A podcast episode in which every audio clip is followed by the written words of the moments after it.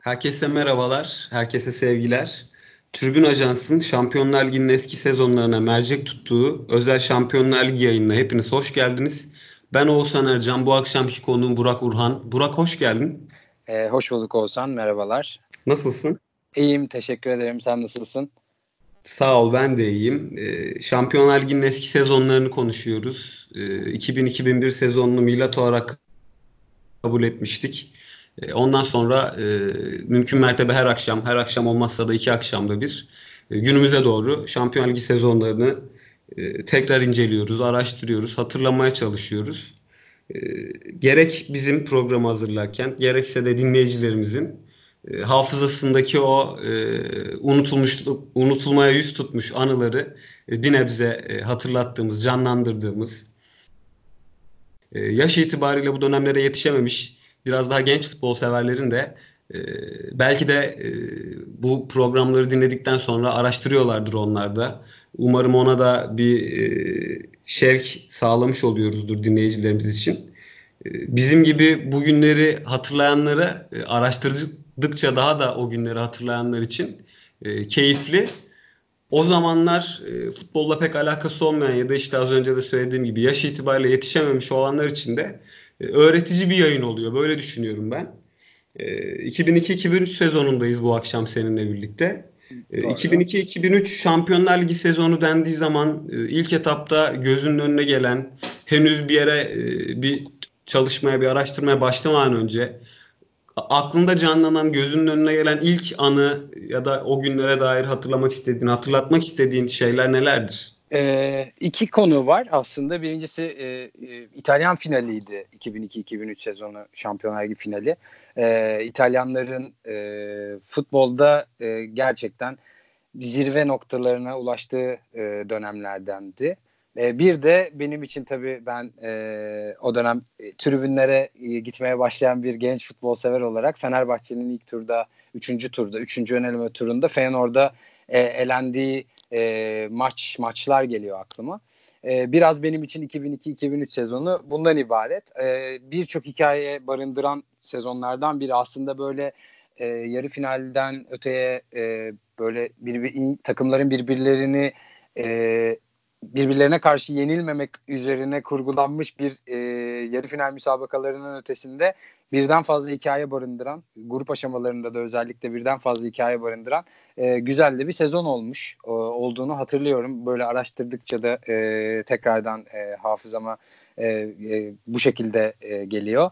E, açıkçası e, İtalyan finali dediğim gibi e, Juventus'un ve Milan'ın çok başarılı olduğu sezonlardan biriydi. E, bu şekilde de sonuçlandı. E, öncelik ama bir başlangıç tabii ki Fenerbahçe. Yine Türk takımlarıyla başlayabiliriz bence. E, o dönemler sıklıkla e, iki takımla temsil ediliyorduk Şampiyonlar Ligi'nde. E, ve büyük takımlarla makasın çok fazla açılmadığı sezonlardı bunlar. Fenerbahçe 3. elemede Feyenoord'a elenmişti. Çok net hatırlıyorum Fenerbahçe'nin bir sonraki sezon e, Pierre Van Hooydonk'u transfer ettiği sezon.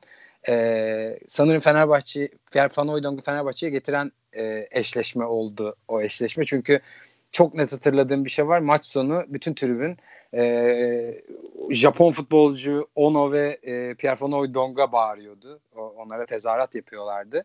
E, sezon birazcık öyle. E, bizim Türk takımları açısından kötü başlamıştı. Ama sonrası e, futbol severler açısından e, gayet keyifli bir sezondu diye düşünüyorum. İlerleyen dönemlerde Fenerbahçe taraftarının sevgilisi haline gelecek olan Pierre Van Hooydonk'un e, Fenerbahçe ile ilk yakın teması e, Kadıköy deplasmanında bu şekilde oldu diyorsun yani. Doğru evet yani e, Van Hooydonk'un o dönem yaptığı açıklamaları da çok net hatırlıyorum. Fenerbahçe taraftarından çok etkilendiğini söylemişti. Geldiği zaman yaptığı açıklamalardı bunlar.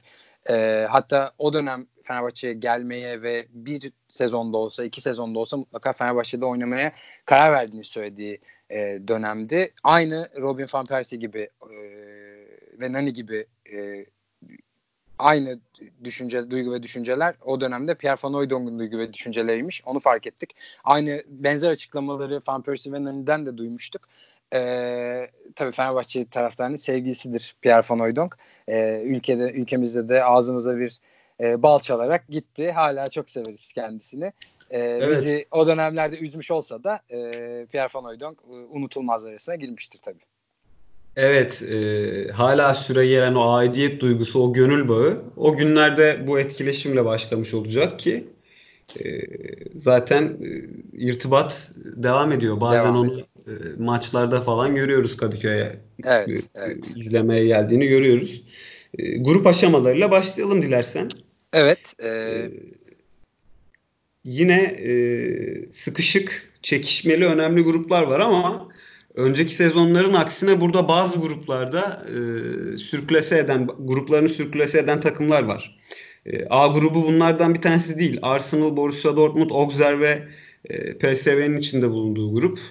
E, Arsenal ve Dortmund onar puanla grubu e, tamamlayarak ikinci aşamaya çıkıyorlar. E, B grubunda Valencia e, Şampiyonlar Ligi'nde artık e, gediklilerden birisi haline gelmiş. Bir beraberlikle 16 puan topluyor diğer maçlarını kazanarak. Burada Basel Liverpool'u e, eliyor. 9 puanla bitiriyor grubu. Liverpool 8 puanla grubu 3. sırada tamamlıyor ve e, Spartak Moskova grup aşamalarını puansız tamamlıyor. E, geçen sezon Fenerbahçe'nin yaşadığı o e, kötü performansı bu sezon Spartak Moskova yapmış. E, C grubunda Real Madrid 9, e, Roma 9, AEK 6, Genk 4 gibi bir e, tablo var önümüzde ki e, takımların şimdiki durumunu göz önünde bulundurduğumuz zaman son derece şaşırtıcı bir tablo aslında bu. Ee, D grubunda Inter 11, Ajax 8, Lyon 8, Rosenborg 4. Ee, Lyon yine burada puanları aynı olmasına rağmen genel averajlı Ajax'ın arkasında olduğu için e, Şampiyonlar Ligi defterini kapatıyor. E grubunda Juventus, Newcastle, Kiev, Dinamo Kiev ve e, playoff aşamasında Fenerbahçe'yi saf dışı eden e, Feyenoord var. E, Juventus 13, Newcastle 9 yapıyor. E, Sir Bobby Robson'ın Newcastle'ı Şampiyonlar Ligi'nde e, grup aşamasını başarıyla geçip adını ikinci tura yazdırıyor. E, F grubunda Manchester United, Leverkusen enteresan bir şekilde Maccabi Haifa'nın 7 puan toplamış olması. E, United 15, Leverkusen 9 ile bitiriyor. E, G grubunda Milan, Deportivo, Lens ve Bayern Münih var ki burada Bayern Münih yalnızca iki beraberlik almış ve ee, çok ciddi, çok büyük bir hayal kırıklığıyla grup aşamasını tamamlıyor. Milan ve e, Deportivo 12'şer puanla adını üst tura yazdıran takımlar. Ee, ilk grup aşamasının son grubunda H grubunda Barcelona 18 puan toplayarak e, az önce de bahsettiğim gibi o e, grubu sürkülase eden takım olma hüviyetinde e, Lokomotiv Moskova 7, e, Kulüp Brüj 5, e, Galatasaray'da burada bir diğer hayal kırıklığı. E, Türk e, futbolunun Avrupa sahnesinde e, Avrupa sahnesinden yavaş yavaş çekildiği yılların başlangıcı olarak yorumlayabiliriz herhalde bunu sevgili Burak.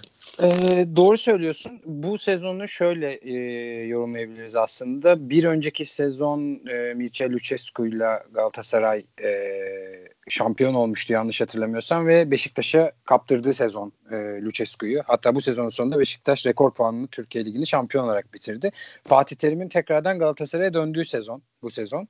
E, bunun dışında e, Galatasaray'a tekrardan geri döneceğim ama diğer gruplarla alakalı birkaç enteresan konu var. Onlardan bahsetmek isterim özellikle. E, 99 ve 2000, 2000 yılında iki kere üst üste final oynamış bir Valencia vardı. Hatır, e, dinley, dinleyicilerimiz de hatırlayacaktır. E, hatırlamayanlar olursa da hatırlatmış olalım. E, Valencia'nın o 99 yılında başlayan performansının e, ciddi derecede tap yaptığı bir sezondan bahsediyoruz. E, orada ilginç bir hikaye daha var. E, burada grubunu lider bitiren Inter'in başında Hector Cooper var. O iki finali aslında Valencia Hector Cooper'le oynamıştı. Burada 2001 sezonunda e, Rafael Benitez e, Valencia'nın başına geçiyor ve e, bu performansı Rafael Benitez'le e, başarıyor Valencia. E, bütün e, açıkçası e, o dönemden başlayan e, iyi kadro, iyi yapılanma, e, iyi bir futbol aklı e, Rafael Benitez'de açıkçası bir üst seviyeye çıkıyor diyebiliriz. Rafael Benitez e, tarihin belki de en underrated e, hocalarından biri olabilir. Yani kendisinin bir Şampiyonlar Ligi kupası var ama oynattığı futbol özellikle Rafael Benitez'le alakalı şöyle bir bilgi var. Bunu da seyircilerimize hatırlatmış olalım dinleyicilerimize. Rafael Benitez kariyerinde yaklaşık olarak herhalde 300 maç ard arda e, hiç aynı 11 ile oynamayan bir hoca. E, enteresan bir bilgi olabilir bu da e, dinleyicilerimiz için. Neticesinde burada böyle bir hikaye var. Hector Cooper'le iki kere final oynayıp e, Şampiyonlar Ligi'nde bu başarıyı devam ettirmeye çalışan bir Valencia'yı görüyoruz. Onun dışında Manchester United'ın ve Barcelona'nın grup aşamalarını çok ciddi şekilde iyi geçtiğini ve e, sezona da zaten çok e, hem favori olarak başladıklarını hem de e, bu başlangıçlarının e, yani kağıt üzerindeki bu favori olmalarının e, gerçekte de bize gösterdiklerini görüyoruz açıkçası. E, Milan'ın efsane Milan kadrosunu bir çırpıda hepimizin sayabileceği Milan kadrosunun da e, sezona favori başladığını e, iletmekte fayda var. E, ama dediğim gibi Barcelona buradaki en büyük e, grubunu en rahat bitiren takım. E, buradaki detaylar e, bu şekilde. Deportivo'yu özellikle tekrar vurgulamak isterim. O dönem İspanyol takımlarının başarılı e, addedilmesinin en büyük sebeplerinden biri e, Madrid ve Barcelona gibi e, tepedeki takımlarının dışında da Şampiyonlar Ligi'nde çok başarılı takımların olmasıydı açıkçası. E, ve Valencia ve Deportivo da bunlardan ikisiydi. Deportivo da bu sezonu iyi geçmiş takımlardan biri. Ee, ve tabii işte senin de bahsettiğin gibi e, Bobby Robson'ın Newcastle United'ı Alan Shearer'ı hatırlayacaktır e, dinleyicilerimiz. O sezonda yanlış hatırlamıyorsam 6 golle bitirmişti Alan Shearer. E, güzel hikayeleri olan, e, güzel maçların sahne, e, güzel maçları izlediğimiz bir ilk grup aşamasıydı. E, açıkçası ikinci grup aşaması daha da enteresan hale geliyor ama e, birinci grubu tekrar biraz daha konuşabiliriz. E, Benitez'e zaten ilaveten o e, final kaybeden e, kabus finallerde kabus gören Valencia e, Rafael Benitez de bu sezon olmasa da önümüzdeki sezon e, 2003-2004'te UEFA kupasını kazanıyorlar. E, UEFA kupasının da bu arada e, şimdiki kadar e, prestijden düşmediği henüz. E, yine kupa 2 ama e, ekonomik açıdan da bu kadar dibe vurmamış birçok takımın UEFA kupasını kazanmak için e, çok ciddi efor sarf ettiği dönemlerdi. Yani e, UEFA kupası deyip e, küçümsememek gerekiyor. O dönemlerde hala çok ciddi bir gücü, çok ciddi bir hem prestij hem de ekonomik getirisi olan bir turnuvaydı UEFA kupası. Bir sezon sonra da zaten yanılmıyorsam çeyrek finalde Gençler Birliği'ni, Ersun Yanal'ın Gençler Birliği'ni eleyerek Evet. E, Benitez'in Valencia'sı. Hatta Ankara'daki maç öncesinde hocanın e, şu röportajını hatırlıyorum. E, telaffuz etmek çok zor ama oynadıkları futbol gerçekten büyüleyici diye bir e, Gençler Birliği'ne öyle bir övgüde bulunmuştu. E, Rafael Benitez. Çok ciddi teknik direktörlerin e, Avrupa'da çok ciddi e, kurtların olduğu dönemlerden Bobby Robson'ı tekrar e, burada e, saygıyla hatta sevgiyle de analım, rahmetle evet. de analım. E, bir yandan dediğimiz gibi Benitez, İtalyanların e, Marcello Lippi gibi kurt, yaşlı kurt, o zamanlar çok yaşlı olmasa da e, Carlo Ancelotti'nin yavaş yavaş filizlendiği, e, o e, taktiksel dehasını yavaş yavaş e, üst seviyeye taşıdığı, o e, winner hüviyeti vardır ya hani hocanın. Evet. Burada da zaten takıma çok ciddi şeyler kattığını görüyoruz. E, Alex Ferguson zaten e, asla onsuz futbol konuşmak e, bir yere varamayacaktır.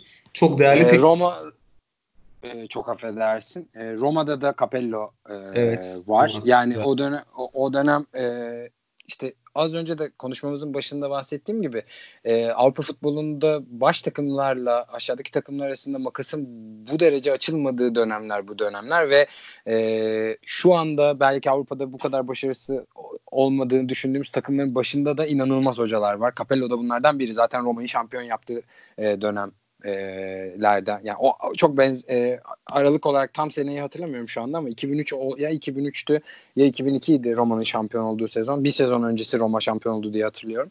Ben ee, 2001 diye hatırlıyorum ama aynı olabilir. şekilde devam ediyorlar evet, yani işte bir değişiklik öyle. yok. Aynen öyle. Enteresan bir bilgi daha vereyim. O da şu an aklıma geldi. Barcelona'nın aslında bu kadar e, Şampiyonlar Ligi ilk gruplarını ve hatta ikinci gruplarını sürüklese direkt geldiği sezonu aslında Barcelona'nın iki hocayla bitirdiği e, durumu da var burada. E, sezona Luis Van Gaal'le başlıyorlar. E, Luis Van Gaal e, sezon ortasında ayrılıyor. E, ilk grupları bitirdikten sonra e, Luis Van Gaal ayrılıyor. Yerine Radomir Antic'i getiriyorlar. Antic e, bir sezon bile e, kalamıyor. Zaten Frank Rijkaard'lı dönemin başladığı dönemden önceki e, caretaker manager diye adlandırılabilen, evet. adlandırabileceğimiz hocalardan biri. Sezonu çok da kötü bitirmiyor Antic. Fakat e, o dönemler işte Real Madrid'in bir sene önce Şampiyonlar Ligi'ni kazanması, Barcelona'nın e, Real Madrid'in biraz gerisinde kalması, Valencia'nın çok sükse yapması, Barcelona'da işlerin gerçekten işte Barcelona'yı bugün konuş yani bugün konuştuğumuz Barcelona'nın temellerinin hep Rijkaard döneminde atıldığını konuşuruz. Ee, sanki başlangıç sezonu da 2002-2003 sezonu gibi gözüküyor. Ee, Luis Van Gaal'in ayrıl, e, ayrılmasından sonra Ant içinde sezonu başarısız bitirmesi Barcelona kulübü camiası nezdinde başarısız bitirmesi sebebiyle Barcelona'nın e, bugünlerinin temeli attığı e, en azından güncel Barcelona'nın bugünlerinin temeli atıldığı sezon olarak görülebilir. Böyle de bir e, detay var. Onu da belirtmek istedim açıkçası. Antic'te oyuncu olarak Fenerbahçe'de var zaten. Radomir Antic'in ismine evet. oradan da e, aşinayız. E, hocamız Bobby Robson'ı e, derin Barcelonacılar yemiş. E, bir sezon sonra Luis Van Gaal göreve gelmişti. O da sezonu anlattığım üzere bitiremiyor. E, Antic'le yola devam ediyorlar. E, ikinci grup aşamasına madem e, girelim. E, A grubunda Barcelona az önce de senin e, söz ettiğin gibi yine burada da bir sürklase etme durumu söz konusu. E, 16 puanla lider bitiriyorlar gruplarını. E, Inter 11 puanla ikinci bitiriyor. Newcastle 7 puanla Avrupa defterini kapatıyor. E, Leverkusen grubu puansız tamamlıyor. Bu çok enteresan. E, geçtiğimiz sezon, bir sezon önce e, finale kadar çıkmış, finale kadar yükselmiş olan o takım e, bu sene Tabi bunda e, Ballack ve Zeroberto'yu e, Bayern Münih'e kaybetmelerinin de e, çok ciddi bir sebebi var. E, sıfır çekmelerinin ikinci grupta. E, diğer tarafta Valencia, Ajax, Arsenal, Roma gibi e, dört tane e, futbol severlerin hayranlık beslediği e, yani dünyanın belki de en sempatik dört takımı diyebiliriz özellikle o dönemler. Gerek kadro yapısı, gerek teknik adamları, e, gerek oynanan o pozitif futbol, akıcı futbol Zaten bu grup sonuçlarına da puantajına da yansımış durumda. Valencia 9, Ajax 8, Arsenal 7 ve Roma 5 puanla tamamlıyor. Son derece sıkışık, birbirine yakın bir grup. Ee, C grubu için de aynı sıkışıklığı söyleyebiliriz. Son takım hariç. Orada Milan 12, Real 11, Borussia Dortmund 10, e, Lokomotiv Moskova 1 puanla tamamlıyor. E, D grubunda da Manchester United 13 yapmış. Juventus, Basel ve Deportivo 7'şer puanla tamamlıyorlar. Juventus genel averajla e, ikinci sırayı kazanarak e, adını çeyrek finale yazdırıyor. Burası hakkında da birazcık e, görüşlerini almak istiyorum açıkçası. E, şimdi İtalyan finali diye başladık. E, Juventus'un başında Marcelo Lippi var bu sezon. E, Milan'ın, Valencia'nın, Barcelona'nın ve Manchester United'ın aslında gruplarını Valencia'nın ben sezonun sürpriz takım olduğunu düşünüyorum. Yani do, o 99'dan başlayan süreci çok iyi devam ettirdiler. Ee, iyi de bir kadroları, iyi de bir çekirdekleri vardı.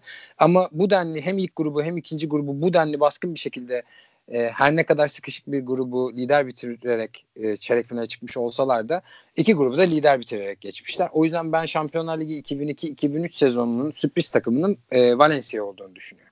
E, bunun dışında Milan, Manchester United ve Barcelona'nın ikinci gruplarını lider bitirmeleri açıkçası bana çok sürpriz gibi gelmiyor.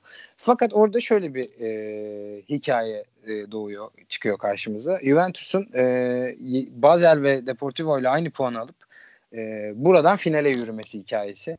E, Juventus'un işte Calciopoli skandalına kadar e, İtalya Ligi'nde e, ciddi bir hegemonya kurduğunu hepimiz biliyoruz. E, iyi de bir kadroları vardı. E, iyi de bir hocaları vardı tabii ki. E, ama beklediklerinden çok daha zorlu bir e, grupla karşı karşıya kaldılar. E, zorlu maçlar oynadılar. E, burada çünkü yanlış hatırlamıyorsam Manchester United'ı e, 3-0 yenilmişlerdi e, kendi sahalarında. E, yanlış hatırlamıyorsam deplasmanda 3-0 içeride 1-1 berabere kalmışlardı Manchester United ve o dönem Manchester United maçlarından sonra Juventus'un bu kupayı e, kazanmasının çok zor olduğu söyleniyordu. E, hep konuş yani anımsamaya çalışıyorum biraz o dönemki işte affedersin, yazılanları. E, affedersin benim notumda iki maçı da kaybettikleri var. Eee Çok olabilir. Doğrudur. Yanlış yani bir, bir 3-0'lık maç hatırlıyorum. Ee, diğeri e, 3-0 ve 2-1 orada 2-1. yani istediklerini alamıyorlar Manchester United eşleşmelerinden ek olarak onu söyleyeyim. Zaten sen de oraya getirecektin lafı evet, anladım. Evet, evet, evet. Yani o dönemi e, oradan hatırlamaya çalışıyorum. Manchester United'ın e, ve Milan'ın özellikle Şampiyonlar Ligi'nin çok ciddi favorileri olduğu konuşuluyordu. O maçlardan sonra Juventus'un e, açıkçası e, çeyrek finale bile çıkamayacağı, çıksa da e, yarı finalde öteye gidemeyeceği konuşuluyordu. Özellikle Manchester United'ın grubunu lider bitirmesinden sonra. Ama buradaki ana hikayemiz sanırım Juventus. Yani oradan çeyrek finale ve yarı finale gelmeden önce de genel averajda 3 takımla beraber aynı puan alıp e, finale yürümesi buradaki en dikkat çekici hikaye olsa gerek. E, onun dışında başka bir e, konudan da bahsetmek isterim. E, az önce Valencia'nın e, ve yarattığı sürprizin nedenle etkili olduğu, İspanya futbolunda da Şampiyonlar Ligi'nde nedenle etkili olduğundan bahsetmiştik.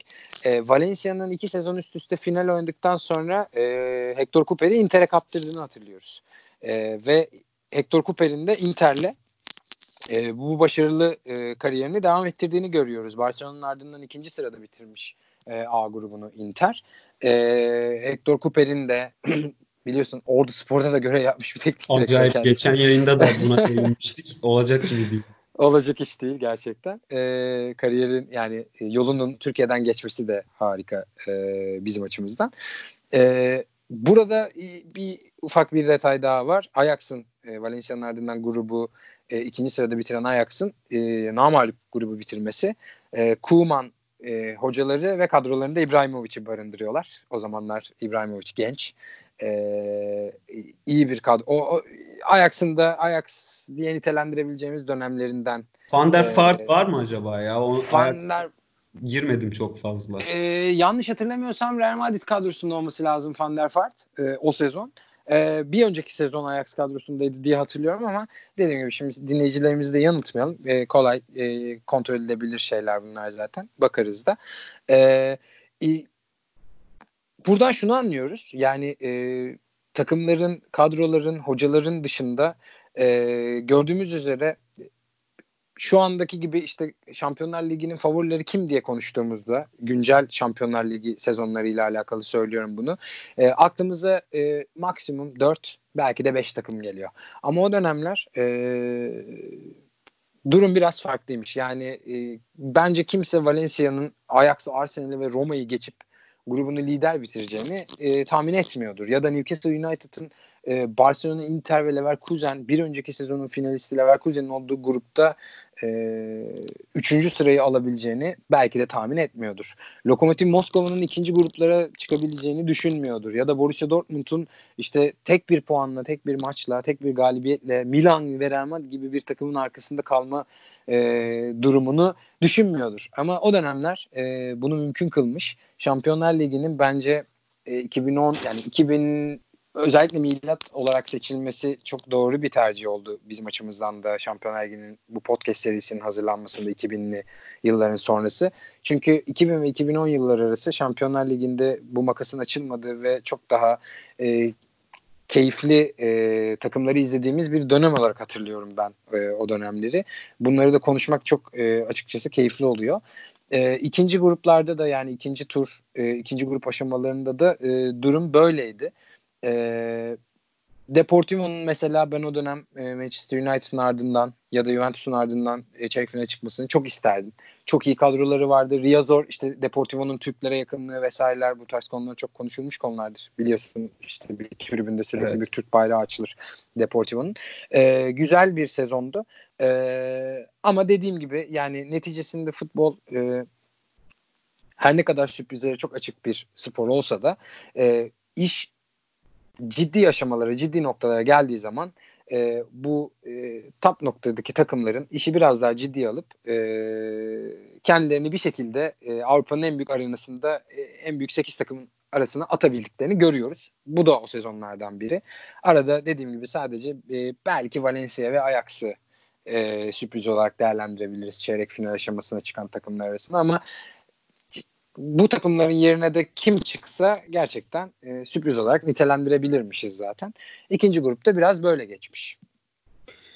o e, makasın tam olarak açılmadığı senin de bahsettiğin gibi bizim de zaten e, 2000-2001 ile başladığımız üzere e, aşağı yukarı evet 2008, 2009, 2010'a kadar e, 4'ten 5'ten fazla ciddi adayın bulunduğu henüz o e, gerek mali gerek e, oyuncu grubuyla alakalı kutuplaşmanın e, bir üst seviyeye en üstün de neredeyse üstünü zorlayan o e, ciddi kadroların kurulmadığı o başaltı takımların da bir yere kadar e, zaten makas yavaş yavaş açılıyor. Hani e, 2000-2001 ile başladık. Mesela 4-5 gün sonra 2006-2007'ye geldiğimizde makasın daha da açılmış olduğunu, hani günümüze e, hem kronolojik olarak hem de ekonomik olarak daha da takımların yaklaşmış olduğunu inceleyeceğiz. E, kademe kademe o e, farklılığı e, araştırırken de bu programı yaparken de e, notlara çalışırken de iyice hissediyoruz. Dilersen çeyrek finallere geçelim sevgili Burak. E, bir Real Madrid Manchester United eşleşmesi görüyoruz ki e, Şampiyonlar Ligi klasiklerine girmiş bir eşleşmedir. Özellikle ikinci ayağında Old Trafford'daki o inanılmaz maç e, dün gibi zaten anılarımızda hem taze hem de e, belirli aşamalarda internette e, karşımıza da çıkıyor Old Trafford'daki o inanılmaz mücadele. E, Ronaldo'nun e, artık ne denir yani çok epik, çok destansı bir performansı var. Orada zaten birazcık da dosta düşmana da gerek Real Madrid'in gerek kendisinin ne olduğunu gösteriyor ama e, tabii bir sonraki aşamayı geçemeyecekler. Henüz ondan haberi yok e, yıldız oyuncunun. Old Trafford'da çok acayip bir performans var. Bireysel olarak e, yani e, bir çırpıda saysak e, Şampiyonlar Ligi'ndeki bireysel performansları ilk beşe mutlaka yazarız değil mi o performansı? Kesinlikle, Ronaldo? kesinlikle. Yani e, Ronaldo'nun e, şanssız sakatlığı, işte futbol dünyasından uzak kalması biz futbol severler açısından herhalde tarihte e, yani en azından onu izleme şansına sahip yaşta biri olarak kendi adıma konuşayım. Eee en büyük talihsizlik gibi geliyor. Yani iki sene futboldan uzak kalıp sonra bu kadar hızlı bir şekilde tekrardan geri dönüp performansını tekrardan zirveye çekip e, dediğin gibi dosta düşmana kimin en iyi olduğunu gösteren performansları biraz e, az e, oldu. Az kaldı. Biz az izleyebildik gibi geliyor. Şunu Hep... söylesek haklı olur muyuz peki? Ee, bize yaklaşık bir e, 4 sezon falan borcu var ya Ronaldo'nun. Kesinlikle, kesinlikle. Yani Ronaldo'nun bize çok borcu var ama e, bize izlettirdikleriyle de herhalde e, futbol sevgimizi bu kadar e, yukarılara çeken bilmiyorum yani sen sen ne düşünürsün ama e, bugün işte bizim yaşlarımızda e, Ronaldo'yu seyredebilmiş e, futbol severlerin çoğunluğu herhalde e, en sevdiği ilk, ilk üç futbolcu sorulsa Ronaldo'yu mutlaka o listeye yazar gibi geliyor. Yani e, 3-4 sezon alacağımız olmasına rağmen ki bu konuda mutabıkız ve büyük ihtimalle dinleyicilerimiz de bize hak verecek. Buna rağmen e, birçok futbol otoritesinin ya da birçok futbol severin böyle eline kağıt kaleme alıp bir e, kendi gördüğü oyuncular arasında en iyi ilk 11'i kurarken %70 %80 oranında Ronaldo'yu da bu e, kadroya koymalarındaki sebep yani demek ki o 3-4 sezon o sakatlıkla boğuşmayıp o 3-4 sezonu daha bize izletebilse e, kim bilir o zaman ne halde olacaktı. Ronaldo herhalde o zaman hiç tartışması olmayacak. e, şimdi yetenek skalası e, açıkçası hani e, arşı alada. E, Ronaldo'nun hani e, PSV'den başlayan e, işte futbol kariyerine, futbol dünyası onu PSV Eindhoven'dayken tanıdı. E, daha önce Brezilya'dayken de hani e, tabii ki o Brezilya'nın futbol atmosferi içerisinde Ronaldo'nun e, tanındığı gerçeğini göz ardı etmiyorum ama Avrupa futbolu özellikle PSV Eindhoven sonrası Barcelona sonrası Inter e, ile beraber Ronaldo'nun e, nasıl bir futbolcu olduğunu gördü.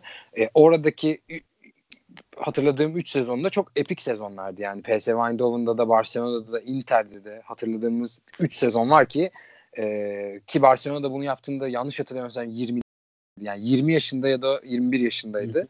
e, dünya futbol tarihinin gelmiş geçmiş en iyi oyuncusu diyebileceğimiz bize 3-4 sene borçlu olmasına rağmen diyebileceğimiz bir oyuncudan bahsediyoruz. Bunu da sakatlıktan döndükten sonra tekrardan Real Madrid gibi işte Los Galacticos'un en şaşalı döneminde Real Madrid transfer oldu. Tekrardan o dönemde de bize gösterebilmeyi başarabilmiş. Bunu da dünyada kaç tane futbolcu yapabilirdi? İnan e, hiçbir fikrim yok. Yani öylesine ciddi bir sakatlığın üzerine öylesine bir takımda gelip işte e, İspanya Ligi'nde gol kralı olup Şampiyonlar Ligi'nde bu kadar gol atıp e, ve o kiloya o e, vücut formsuzluğuna rağmen bunları başarmak herhalde yani dünya üzerinde kaç tane futbolcu becerebilirdi diye sana sorsam ilk başta aklına sayabileceğin 3 tane isim gelmez diye tahmin ediyorum. Ee, o yüzden maalesef e, bize 3-4 sezon borcu var ama izlettirdikleri de sağ olsun gözümüzü pasını silmeye yetiyordu açıkçası. Tabii şöyle de bir şey söyleyebiliriz. Ee, dünyada futbolun e, doğal olarak bu kadar gelişmediği e, gerek scouting gerek e, oyuncu e, yapısından bahsediyorum. Oyuncu özellikleri açısından bahsediyorum. Bu kadar gelişmediği dönemler. E, oyuncuların da, teknik direktörlerin de hatta takımların da e, taktiksel kurgu açısından da bunu söyleyebiliriz. Belirli bir hüviyete, belirli bir kimliğe sıkışıp kaldığı dönemler.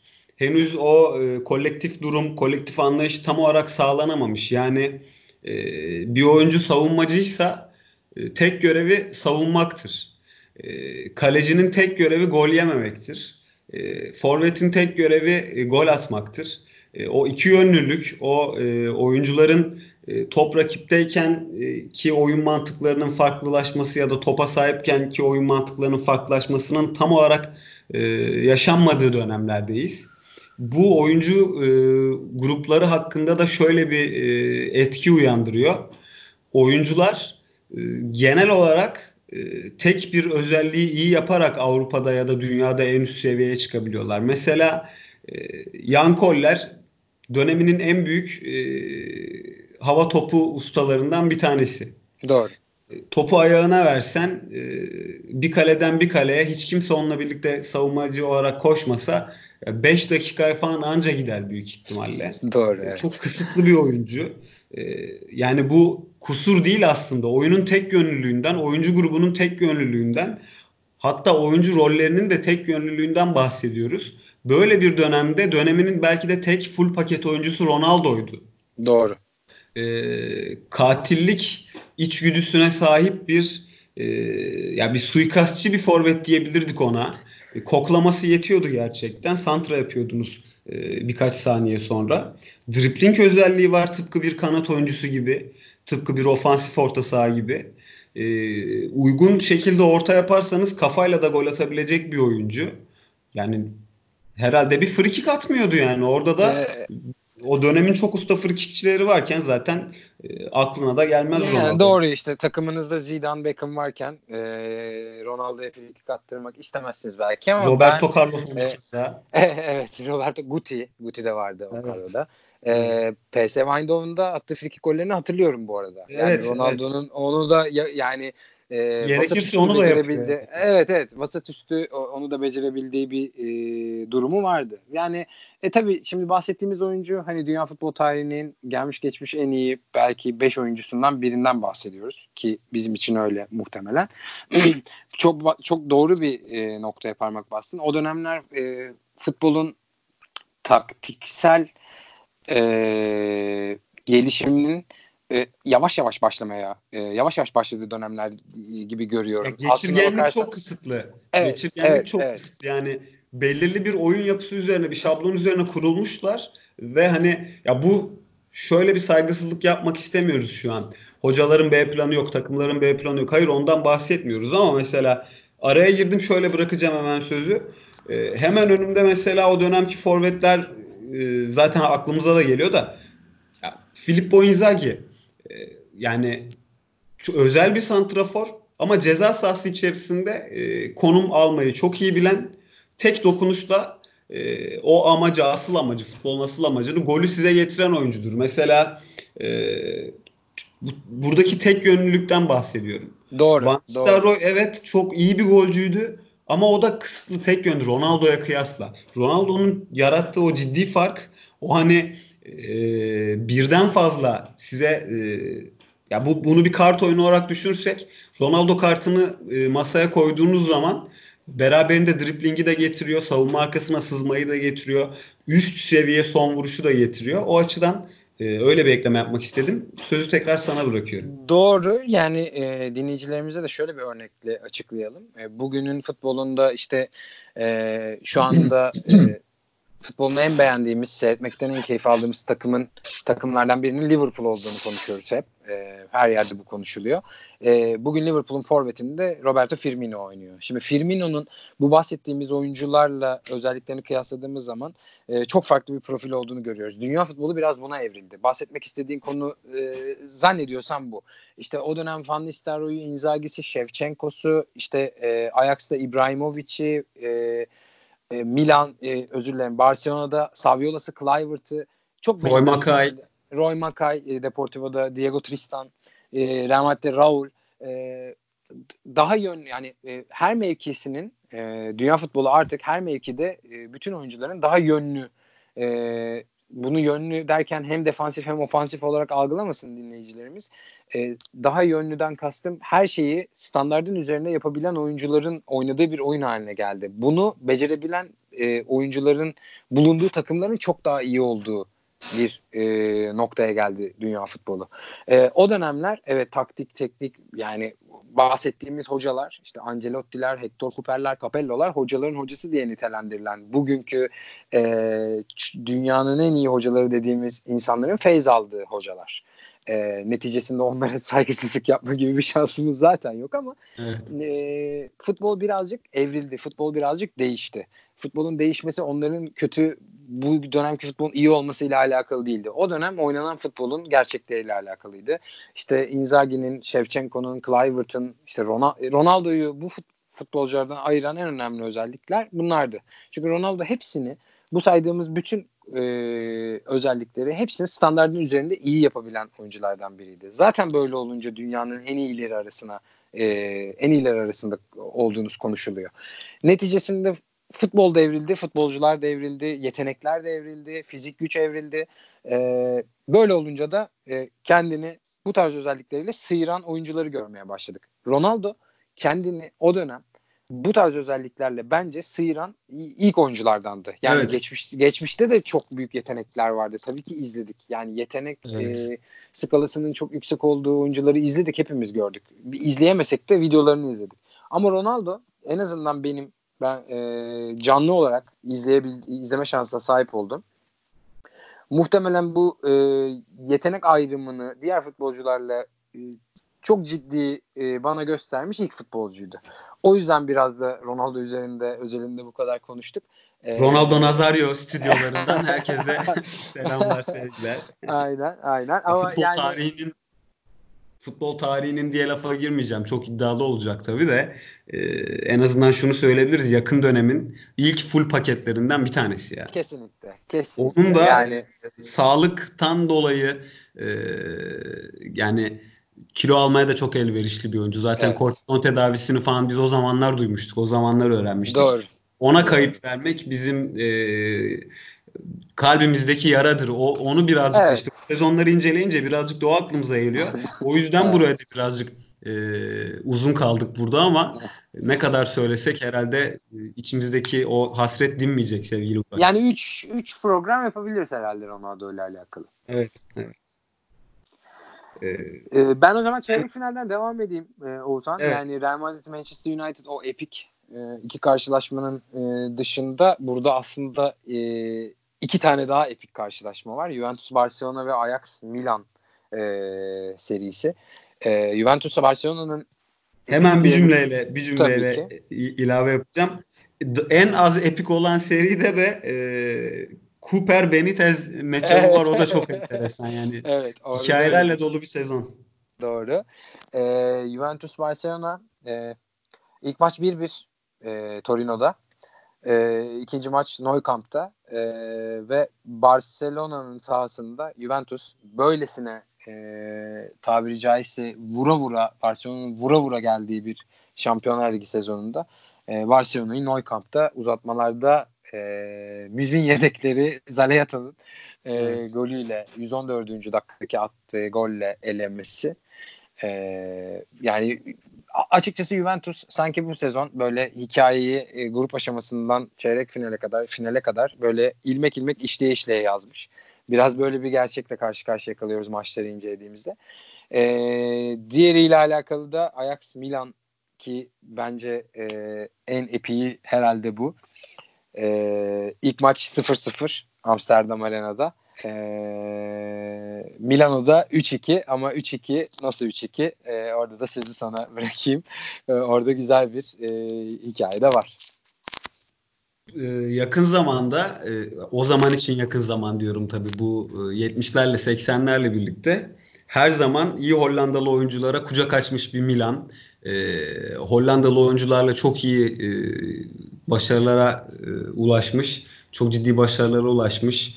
Gullit'lerden, Rijkaard'lardan, Van Basten'lerden tabii ki mutlaka söz edebiliriz. Zaten bir sonraki aşamada da Clarence Seedorf işin içine giriyor ki o bu sezon evet. artık Clarence Seedorf'un e, Avrupa futboluna Milan formasıyla imza attığı dönemler bu dönemler.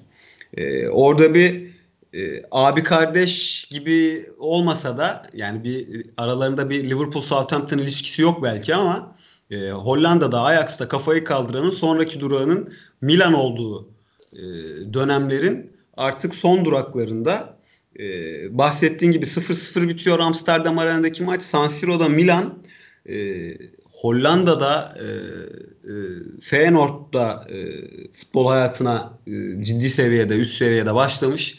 Yondal Tomasson'un 90. dakikadaki golüyle karşılaşmayı 3-2 kazanarak e, 2-2 biterse Ajax deplasman golü kuralıyla adını yarı finale yazdıracaktı çünkü. E, Litmane'nin Ajax'ı Burada e, son dakikada Feyenoord'un çocuğu Yondal Tomasson'a boyun eğiyorlar abi. E, Tomasson 90. dakikada attığı o golle e, Milan'ı e, yarı finale taşıyan e, golü atıyor. Milan'ı yarı finale taşıyor. E, diğer tarafta da sözü sana bırakacağım. Hector Cooper, Rafael Benitez konuşmanın başında bahsetmiştik. Gerek Valencia'dan gerek e, Cooper özelinde Inter'den de. E, burada Inter adını üst tura e, yazdırıyor. Şu açıdan çok e, yıkıcı olmuş olabilir. E, tamam iki sezon e, Valencia'yı Şampiyon Ligi finaline taşıması zaten çok ciddi bir başarıydı ama e, finali kazanmadıktan sonra hani buraya kadar gelip de e, şerefli ikinciliğe hiç kimse e, yani kabul etmeyecek bunu. Mutlaka Doğru, tarih, sezondur. Tarih Valencia yazıyor üstüne, maalesef. Evet, evet üstüne e, iki sezon size final kaybettiren diye bunu lanse etmek çok gaddarca olur Hector Raul Cooper'a ama bir son, neticede sonuçta finali kazanamıyorsunuz. Bir sezon sonra bir de gelip sizi e, bu adam çeyrek finalde eleyince orada o dönemler herhalde Valencia'lı olmak istemezdik ya. evet, evet, evet. Yani e, ben ikinci maçı e, böyle bugün araştırırken birazcık e, 2002-2003 sezonu ikinci maçı böyle gözümün önüne geldi. E, ilk maç böyle çok sıkıcı bir maçtı. Inter 1-0 kazanmıştı e, İtalya'da. E, tabii bu forvetlerden bahsetmiştik hatırlarsın. Inter'in de işte Salaslı, Vieri'li kadrosunu e, yani Salas'ı, Vieri'yi, e, Rekobalarını unutmamak lazım. Onlara da bir e, böyle bir selam çakmış olalım. E, ikinci maç özellikle şeyi çok net hatırladım araştırırken. Inter'in 1-0 öne geçtiği ama hemen e, Valencia'nın karşılık verdiği ve ilk yarının bir bir bittiğini anımsadım. İkinci yarıda Valencia'nın e, Inter elemek için sadece bir gole ihtiyacı vardı. 2-1'den sonra söylüyorum. Maçın 2-1 bittiğini. Çünkü 50. dakikada falan attılar golü. Hı hı. 2-1 öne geçtikleri dakika 50 ya da 51. dakikaydı. E, ve 40 dakika boyunca e, Inter e, klasik bir İtalyan takımı gibi e, Valencia'da e, Mesteya'da e, müthiş bir savunma yapmıştı onu hatırlıyorum. E, ve Valencialı seyircilerin de Hector Cooper'i alkışladığını hatırlıyorum o evet. maçtan sonra. E, çünkü Hector Cooper gerçekten Valencia tarihinde çok önemli bir teknik direktör. Her ne kadar iki tane Şampiyonlar Ligi finali kaybetmiş olsanız da sizi tarihinizde iki tane Şampiyonlar Ligi finali oynatmış bir teknik adam olarak gör, e, görüyor o taraftar. O evet. yüzden onu da çok net hatırlıyorum. Yani e, Cooper'i alkışladıklarını. Ama e, e, tabii ki yani Valencia olmak istemezsiniz. E, neticesinde e, çok sevdikleri bir teknik direktörün e, sizi e, Şampiyonlar Ligi'nden etmesi e, elemesi e, çok hoşunuza gideceğiniz bir e, durum olmasa gerek. Ama Inter, Inter yani e, bu program başında da e, İtalyan finali diye bahsetmiştik e, hatırlarsan. E, açıkçası sanki 90'lı yılların sonu, 2000'li yılların başı İtalyanların ve İspanyolların e, Avrupa futbolunda söz sahibi olduğu yıllar. Bu tüm takımlarıyla böyle. E, tüm takımlarının Avrupa'da gerek Şampiyonlar Ligi'nde gerek UEFA Kupası'nda çok ciddi e, başarılar elde etti. Şampiyonluklar kazandı. E, yarı finaller, çeyrek finaller oynadığı dönemlere denk geliyor. E, e, baktığın zaman da çeyrek finalde 8 takımlı çeyrek finalde 3 tane İtalyan takımı görüyoruz. Yani e, iki tane İspanyol takımı görüyoruz. E, bu da o dönem e, açıkçası ne kadar e, doğru yönetildiklerini, İtalyan ve İspanyol futbolunun e, özellikle La Liga'nın ve e, Serie A'nın futbolcuların ve futbol severlerin gözünde ne derece büyük olduğunun en büyük göstergesi olsa gerek bu Şampiyonlar Ligi başarıları. E, sonrasında çünkü hani e, Messi ve Ronaldo e, öncesi ve sonrası diye ayırabiliriz artık La Liga'yı diye tahmin ediyorum. E, ama İtalya için çöküşün e, başladığı yıllar oluyor. E, Calciapoli'den sonra yine bugünkü programda bahsetmiştik biraz. E, sanki 2006 yılı İtalyanlar için e, bir milat oldu ve ondan sonra da çok e, toparlanamadılar gibi geliyor. Çünkü son yıllarda bir Şampiyonlar finali var Juventus'un. E, onun öncesinde de işte Milan'ın bir şampiyonluğu var yanlış hatırlamıyorsam. E, ama ondan önce İtalyanlar e, Avrupa'nın hep zirvesindelerdi. E, bu da o sezonlardan biri. E, Inter Valencia'yı eledi. Çeyrek finalde, e, yarı finalde Milan'la eşleşti. Juventus Barcelona'yı Real Madrid Manchester United'ı eledi. E, ve Juventus'ta da Real Madrid eşleşti. Burada bir parantezi Manchester United'a açmak isterim e, yarı finale geçmeden önce. E, Manchester United'ın bu sezon yani Sir Alex Ferguson'lı işte 99-2000'di yanlış hatırlamıyorsam o meşhur final. E, ya 98 99 98 99 99 evet no, e, o finalden sonra e, Şampiyonlar Ligi'nde e, en çok Şampiyonlar Ligi'ni kazanabileceklerini düşünülen sezondu bu sezon. Grup aşamaları da da öyle başlamışlardı. Grubu da çok iyi geçmişlerdi. İkinci grubu da çok iyi geçmişlerdi. Ee, ve herkes e, bu sezon çeyrek finalde Real Madrid, e, Manchester United'in Real Madrid eleceğini düşünüyordu Los Galacticos'a rağmen. Çok da iyi iki maç oynadılar bence. Yani Real Madrid e, Barnabeu'da yenmek yani herhalde e, dünyanın kötü kadrosuna da sahip olsa Real Madrid e, o sahaya çıktığın zaman bambaşka e, bir hal alıyor e, rakip takım psikolojisi herhalde. E, yine gol atıp e, yani Real Madrid'e Barnabeu'da gol atıp e, o e, İspanya'dan dönmüşlerdi İngiltere'ye. Van Nistelrooy atmıştı yanlış hatırlamıyorsam. E, o epik maçı da çok iyi oynadıklarını hatırlıyorum. Bu arada yani o e, maç 4-3 bitti ama dördüncü golü Beckham işte 80 4. 85. dakikada attıktan sonra e, uzatmalar dahil o 7-8 dakikada Bar, e, Manchester United'ın çok net iki tane gol kaçırdığı e, gözümün önüne geliyor.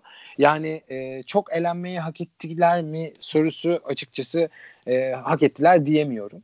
E, ama karşısında da e, yarı finale çıkmayı hak etmedi diyebileceğimiz bir Real Madrid yok tabii ki. E, Real Madrid, Real Madrid. E, Real Madrid her zaman e, buralarda oynamayı e, çok iyi biliyor. E, o yüzden de açıkçası yarı finalinde çok hak edilmemiş bir yarı final olduğunu düşünmüyorum. Yani e, hep İtalyan futbolundan bahsettik. 8'de 3 takım var dedik. Şimdi yarı finale geçelim dilersen. 4'te 3 İtalyanla e, 2002-2003 sezonunun yarı finalini e, değerlendireceğiz. E, yarı finaller hakkında Real Madrid, Juventus e, ve Milan Inter eşleşmeleri var ama e, 2001 2002 e, şeyin sezonunda e, Leverkusen finali Real Madrid'e kaybettiğinde e, o sezon turnuvadaki 3 İngiliz takımını da dışarı atıyordu. İkinci grup aşamasında Arsenal'ı çeyrek finalde Liverpool'u yarı finalde de Manchester United elemişti Leverkusen geçen sezon. Bu sezon buna çok benzer bir e, enteresan bir e, istatistik de denmez buna gerçi de e, enteresan bir olay yaşanmış. E, yine finali kaybeden Juventus 3 tane İspanyol takımını e, saf dışı evet. bırakıyor. İkinci gruplarda Deportivo'yu eliyorlar. Yani grup aşamasında eleyen sadece siz olmuyorsunuz ama sonuçta üstünlük sağlayıp e, Avrupa defterine son veriyorsunuz rakibinizin. E, çeyrek finalde Barcelona ve yarı finalde Real Madrid'e eliyorsunuz. E, burada da bu adamlar herhalde e, İspanyol e, katili olmuşlar. evet. Barnabeu'da 2-1 kaybetseler de Delle Alpi'de e, Real Madrid 3-1 yeniyorlar. Öbür tarafta da e, Milan'la Inter iki maçta berabere bitiyor ama e, San Siro'da 0-0, Giuseppe Meazza'da stadlar aynı olsa da e, ev sahibine göre isimlerin değiştiği söz konusu. E, Inter Milan 1-1 bittikten sonra e, bir zaten orada e, yani Real Madrid elendiği an İtalyan final olduğu dört takımdan evet. 3 İtalyan olduğu için senin de programın başında da bahsettiğin gibi az önce de bahsettiğin gibi ee, burada istersen e, yarı finaller hakkında konuşalım hızlı bir şekilde. Sonra finale geçeceğiz. Ee, yarı finalde e, Juventus'un Real Madrid'i e, Torino'da yendiği maçta Real Madrid'i sürklese ettiğini hatırlıyorum. Yani o, o maçta e, yani skorun 3-1 olduğunu görüyoruz ama yani böyle e, maçın da böyle bir iki e, videosunu, gollerini vesairesini izledim programdan önce de.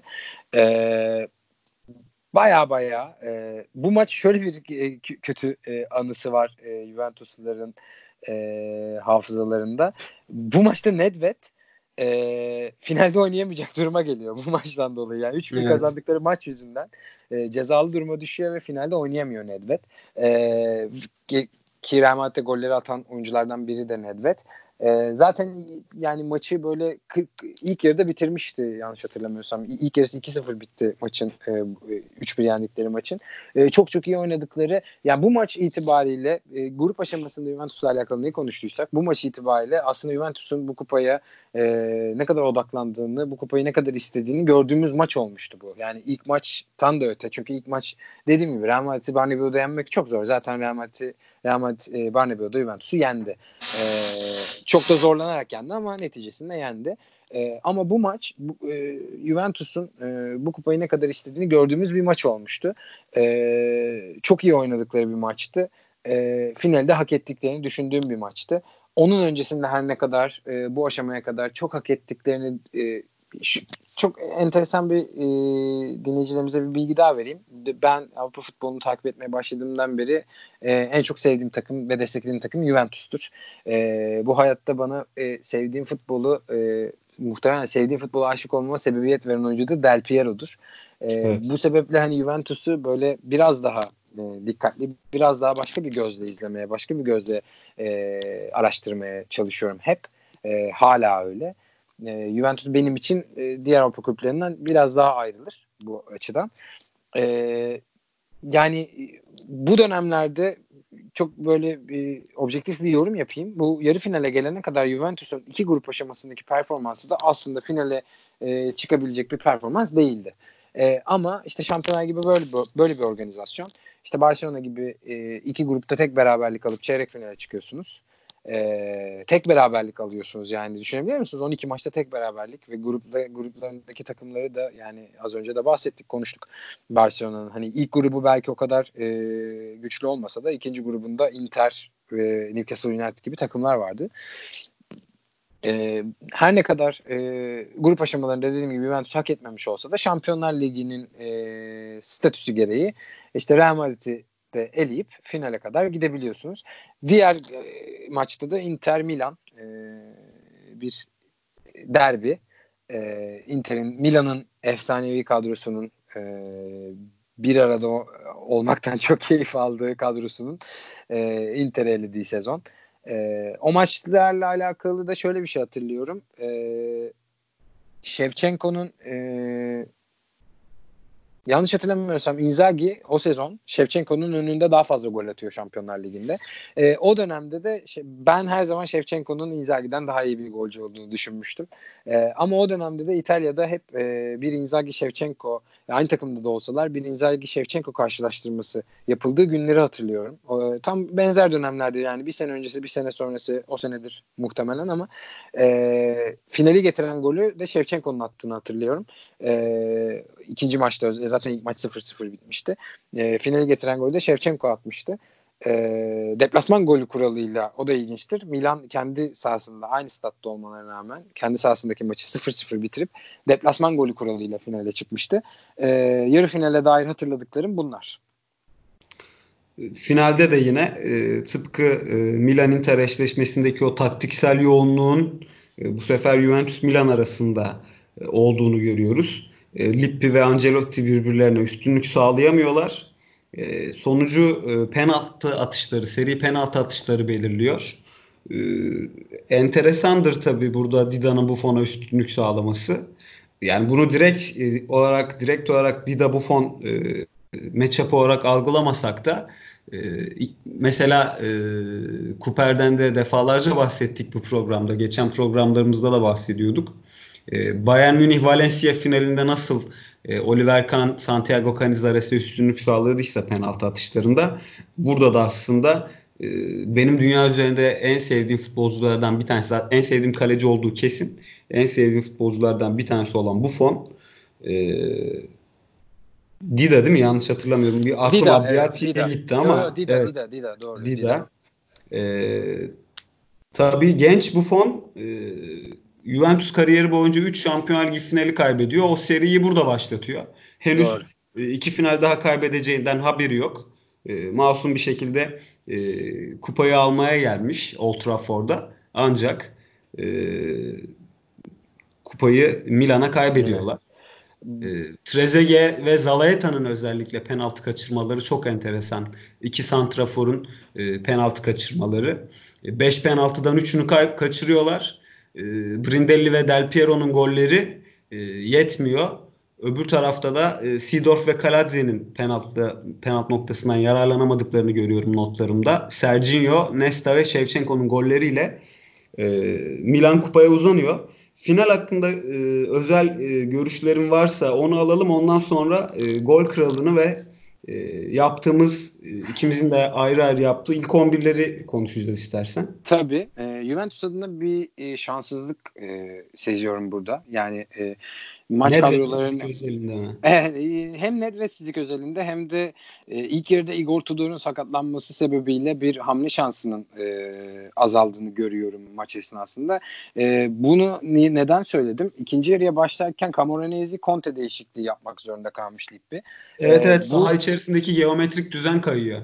Evet. E, bir de o dönem çok net hatırlıyorum. Yani Del Piero'dan sonra takımın ikinci penaltıcısıydı Camoranesi. Yani Del Piero'nun olmadığı bütün maçlarda penaltıları Camoranesi atıyor ve Camoranesi iyi bir penaltıcıydı. Şimdi maçın penaltılara gitme ihtimali bence iki teknik adamın da kafasındaki en net e, konuydu. Çünkü Mutlaka. Şampiyonlar Ligi finali iki İtalyan takımı oynuyor. Birbirlerini kitlemeleri çok muhtemel bir maç oynamışlar. Acayip de tanıyorlar birbirlerini. E, aynen öyle. Yani e, Lippi ve Ancelotti. E, Zaten burada ya yazı turayla kazanırsınız ya da penaltı atışı. Evet aynen öyle. Ee, enteresan bir e, bilgi daha vereyim. Camoranesi yerine oyuna giren kişi de Antonio Conte bu arada. E, evet. Böyle de bir bilgi var. Conte e, Camoranesi yerine ikinci yarıda oyuna giriyor. E, sonradan 3 e, sezon Juventus şampiyon yapan Conte. E, yani finalle alakalı e, az önce de bahsettiğim gibi Juventus benim... Hocanın için... da son demleri bu arada Burak. Evet aynen aynen. E, Juventus e, dediğim gibi benim e, futbola aşık olmamdaki temel e, direklerden biri. E, o yüzden hep böyle daha farklı gözle bakmaya, daha farklı gözle hissetmeye çalışıyorum Juventus'u. Yani bu finali kazanmasını çok isterdim. E, maçı da hatırlıyorum bu arada. E, Del Piero ve işte Trez bu arada şöyle bir e, detay daha vereyim. E, bilgi daha vereyim. E, bu dönem İtalyan futbolunda aslında e, bize şeyi gösteriyor. E, Milan'ın Ancelotti, e, Ancelotti ile beraber e, dünya futbolunda çok denenmiş ama en çok başarılı olan 4-3-1-2 taktiğini Juventus'un da o dönem e, çok çok iyi bir 4-4-2 takımı olduğunu gösteriyor. Yani o dönemler e, şimdiki gibi 4-2-3-1'lerin 4-3-3'lerin revaçta olmadığı işte İtalyanların e, o dönemde bile üçlü savunma oynamadığı e, çift forvetlerin çok e, böyle e, ön planda olduğu taktiklerle e, mücadele ettiği dönemler. İşte bu maçı Juventus e, başlıyor. Milan'da çift forvetle başlıyor. Neticesinde e, konu birazcık e, maç birazcık sıkışıyor. Penaltılara kalması çok muhtemel maç ve e, penaltılarla Milan e, Juventus'u yeniyor. E, 2003 sezonu Şampiyonlar Ligi şampiyon oluyor. E, final hakkındaki yorumlarım da bunlar. Penaltı noktasında bile sıkışıkmış ki 10 penaltıdan evet. 5'i kaçmış. Aynen. E, 2012-2013 şey 2002-2003 Şampiyonlar Ligi e, sezonunu Van Nistelrooy 12 golle kral olarak gol kralı olarak tamamlıyor ki e, dakikaya vurduğumuz zaman 681 dakikada e, bunu yapmış olması 9 maçta gerçekten çok e, takdire şayan. Evet. E, ilk 11'ini e, alayım özel olarak senden istersen. Tabii ki. E, ben e, işte az önce de söylediğim gibi Juventus e, taktiği özelinde bir ilk 11 yaptım. 4-4-2 e, taktiğini kullanarak yaptım. Kalede Buffon, sağ bek Turam, e, savunmanın ortasında Maldini Nesta, sol bek Roberto Carlos. E, orta sahada sağ açıkta e, David Beckham. E, e, orta sahada Pirlo, Seedorf. E, sol açıkta da Pavel Nedved.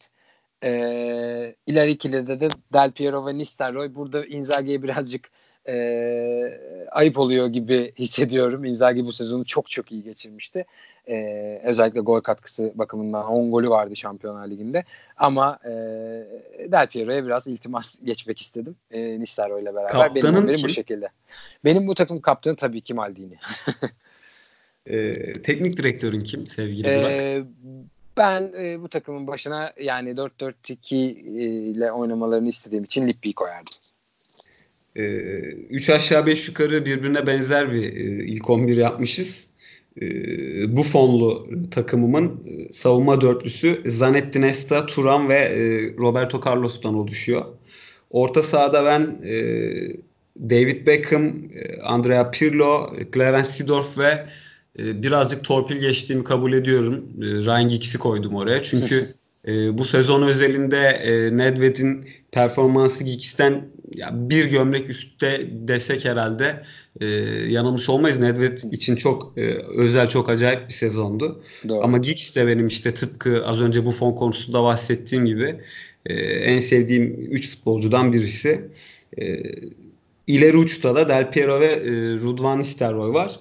Burada yine e, bu takıma kaptanlık yapabileceğinden dolayı değil yaş itibariyle ama e, sonuçta bu kişisel bir 11. Birazcık torpil geçmekte e, bir beis yok. Kaptanım benim e, Gianluigi Buffon abi. Çok genç olmasına rağmen.